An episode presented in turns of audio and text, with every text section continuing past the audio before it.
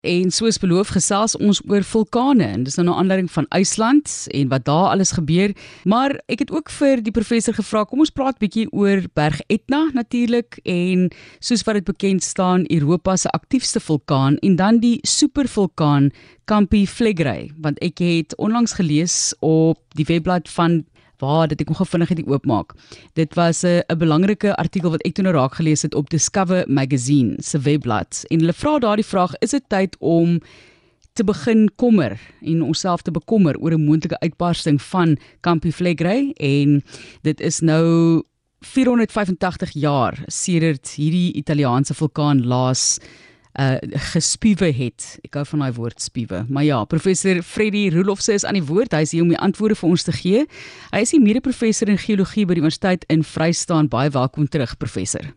Ja, dankie Martelie. Yes, waaroor waaroor praat ons vandag? Wat kan ek sê om jou? Verduidelik asseblief vir ons, wat is 'n supervulkaan, professor? Hoe word dit gedefinieer? Goed, 'n supervulkaan word amptelik gedefinieer as 'n vulkaan wat 'n uh, uh, uitbarsting sterkte het. Daar's 'n sogenaamde volcanic explosivity index of 'n VEI waarde van 8 en dit is die heel grootste ehm um, wat 'n mens moontlik kan kry op hierdie skaal. Nou ehm um, die die daar's so 'n aantal byvoeglike naamwoorde wat gebruik word om hierdie verskillende uh sterktes mee te beskryf aan die ehm um, laagkant kry mens ehm um, beskrywings soos byvoorbeeld net effusief met ander woorde daar's net lava vloeie geen ontploffings nie. En dit is tipies van wat mens sien byvoorbeeld in in die eilande van Hawaii. Nou as ons kyk na 'n VEI waarde van uh, eh, 3 byvoorbeeld dan is die byvoeglike naamwoord wat gebruik word om dit te beskryf katastrofies. 6 is kolossaal en 8 is apokalipties Nou eh, soos ons weet het geen van hierdie supervulkane wat oor die geologiese geskiedenis ehm um, wel uitgebars het was was werklik apokalipties nie. Maar ehm um, dit dui net op die uh die moontlikheid dat dit tot groot grootskaalse versteurings gaan lei ehm um, en ook baie reusagtige volume van vulkaniese materiaal groter as 1000 uh, kubieke kilometer se vulkaniese materiaal wat geproduseer word in sulke tipe uitbarstings. Professor, verduidelik vir ons hoe hou Etna en Campi Flegrei verband? En daar ja. sou al vergelykings daar.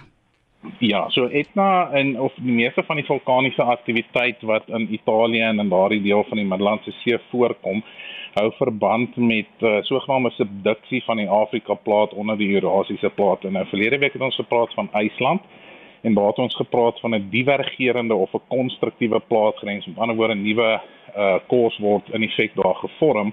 In die geval van 'n subduksiesone duik een plaat onder die ander plaat in en as gevolg hiervan die die gesubdukteerde plaat, die een wat onder die ander plaat induik, raak warm en gehidreerde minerale of waterbevattende minerale wat in hierdie plaat voorkom, ehm um, stel dan water vry by sekere uh, druk en temperatuur en dit lei tot 'n verlaging van die smeltpunt van die mantelgesteentes wat reeds warm is. En dit is dan ook wat aanleiding gee tot vulkaniese aktiwiteit in in hierdie gebiede. So beide Etna en Campi Flegrei hou verband met hierdie uh, subduksie van die Afrika plaat onder die Eurasiese plaat in en dan die vrystelling van water wat daarmee gepaard gaan wat lei tot smelting van die mantel. Voordat nou, ons Etna, ja, ja nee, gaan voort. Asseblief, ek wil jy's vra oor Etna, asseblief ja, vertel, Etna, sy praat. Ehm um, staan bekend as 'n stratovulkaan um, of ook 'n saamgestelde vulkaan en dit is um, omdat dit opgebou is uit afwisselende lae van uh, lava vloeie en dan piroklastiese materiaal. Nou piroklastiese materiaal is fra fragmente van vulkaniese materiaal en lava en dis meer wat uh, meganies uitgeblaas word, byvoorbeeld asla en so aan. En as mens dink byvoorbeeld aan Hawaii, het mens meer te doen met skulpvulkane wat wat net gevorm word uit lava vloeie. So tipies vorm stratovulkane of saamgestelde vulkane is vulkane wat ehm um, dikwels gekenmerk word ook deur eksplosiewe uitbarstings en nie net lava vloeie soos wat mens byvoorbeeld in Hawaii tipies sien nie.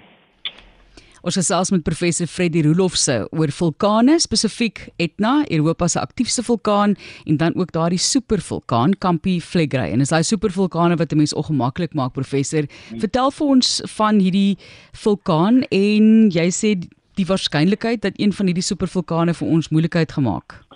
Ja, so ehm um, die die laaste uitbarsting van 'n supervulkaan wat aangeteken is is die van uh, Nieu-Seeland se Taupo vulkaan en dit was om en by 26 27000 jaar gelede wat dit ehm um, wat dit plaasgevind het. In die geval van Campus Legrey is is eintlik nie 'n vulkaan soos wat mense dit ken met ander woorde hierdie keelvormige bergie met 'n krater aan die boorkant nie. Dit staan eintlik bekend as 'n caldera. Nou caldera is word gevorm wanneer die hele substruktuur van 'n vulkaan in mekaar sak, tipies na 'n uh, baie groot uh, uitbarsting. En in die geval van Campus Legrey, uh, staan ook bekend as die Phlegrean Fields. Ehm um, dis net wes van Napels net om konteks te, te gee. Ehm um, is daar 24 individuele kraters wat binne in hierdie caldera kompleks voorkom. Nou in die geval van Campus Legrey, sy uh, laaste groot uitbarsting was omtrent 15000 jaar gelewe gelede en die laaste uitbarsting, die onlangse uitbarsting was op die 29ste September 1538 toe daar 'n nuwe ehm um, bergie in die omgewing ge, gevorm het wat bekend staan as Monte Nuovo uh, wat oor 'n periode van 8 dae gevorm het omtrent 120 meter hoog was.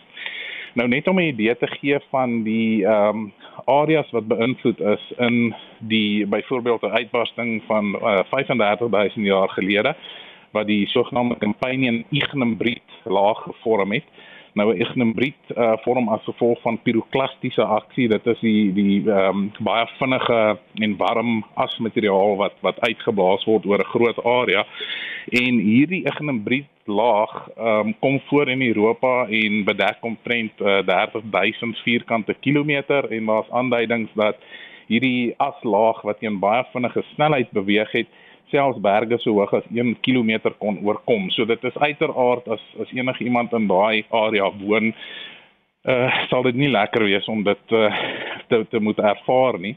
Maar die probleem met supervulkane is dat die tussenposes um, in in in tussentye of die frekwensie van uitbarstings is baie moeilik om te voorspel. So ehm um, dit is nie iets ongelukkig uh, kleiner uh, daar's so 'n daar's so 'n balans of 'n korrelasie tussen die die grootte van 'n van 'n bepaalde uitbarsting en die frekwensie waarmee dit gepaard gaan. So as mens kyk na baie klein uitbarstings, byvoorbeeld die van Hawaii, is is dit feitelik konstant. Dit gebeur gebeur baie gereeld. As mens kyk na baie groter uitbarstings, is die tussenposes oor 'n baie groter uh tussenperiodes. So dit is nie te sê dat mens kan nie regtig ook uh, statisties voorspel hoe hoe dikwels hierdie supervulkane probleme moet veroorsaak nie.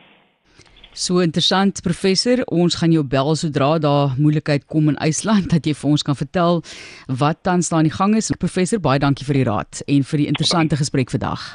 Dankie Martelisa vir die dankie. Totsiens. Dis professor Freddy Rolofse, mede-professor in geologie by die Universiteit van die Vrystaat wat met ons gepraat het oor Europa se aktiefste vulkaan Etna en dan die supervulkaan Campiflegrei en na aanleiding van die artikel wat ek gelees het sê hulle is dit nou tyd om bekommerd te raak oor hierdie supervulkaan en moontlike uitbarsting wat laas 485 jaar gelede 'n uitbarsting gehad het, maar hulle sê daar is aktiwiteit Ek gaan hom so direk vertaal.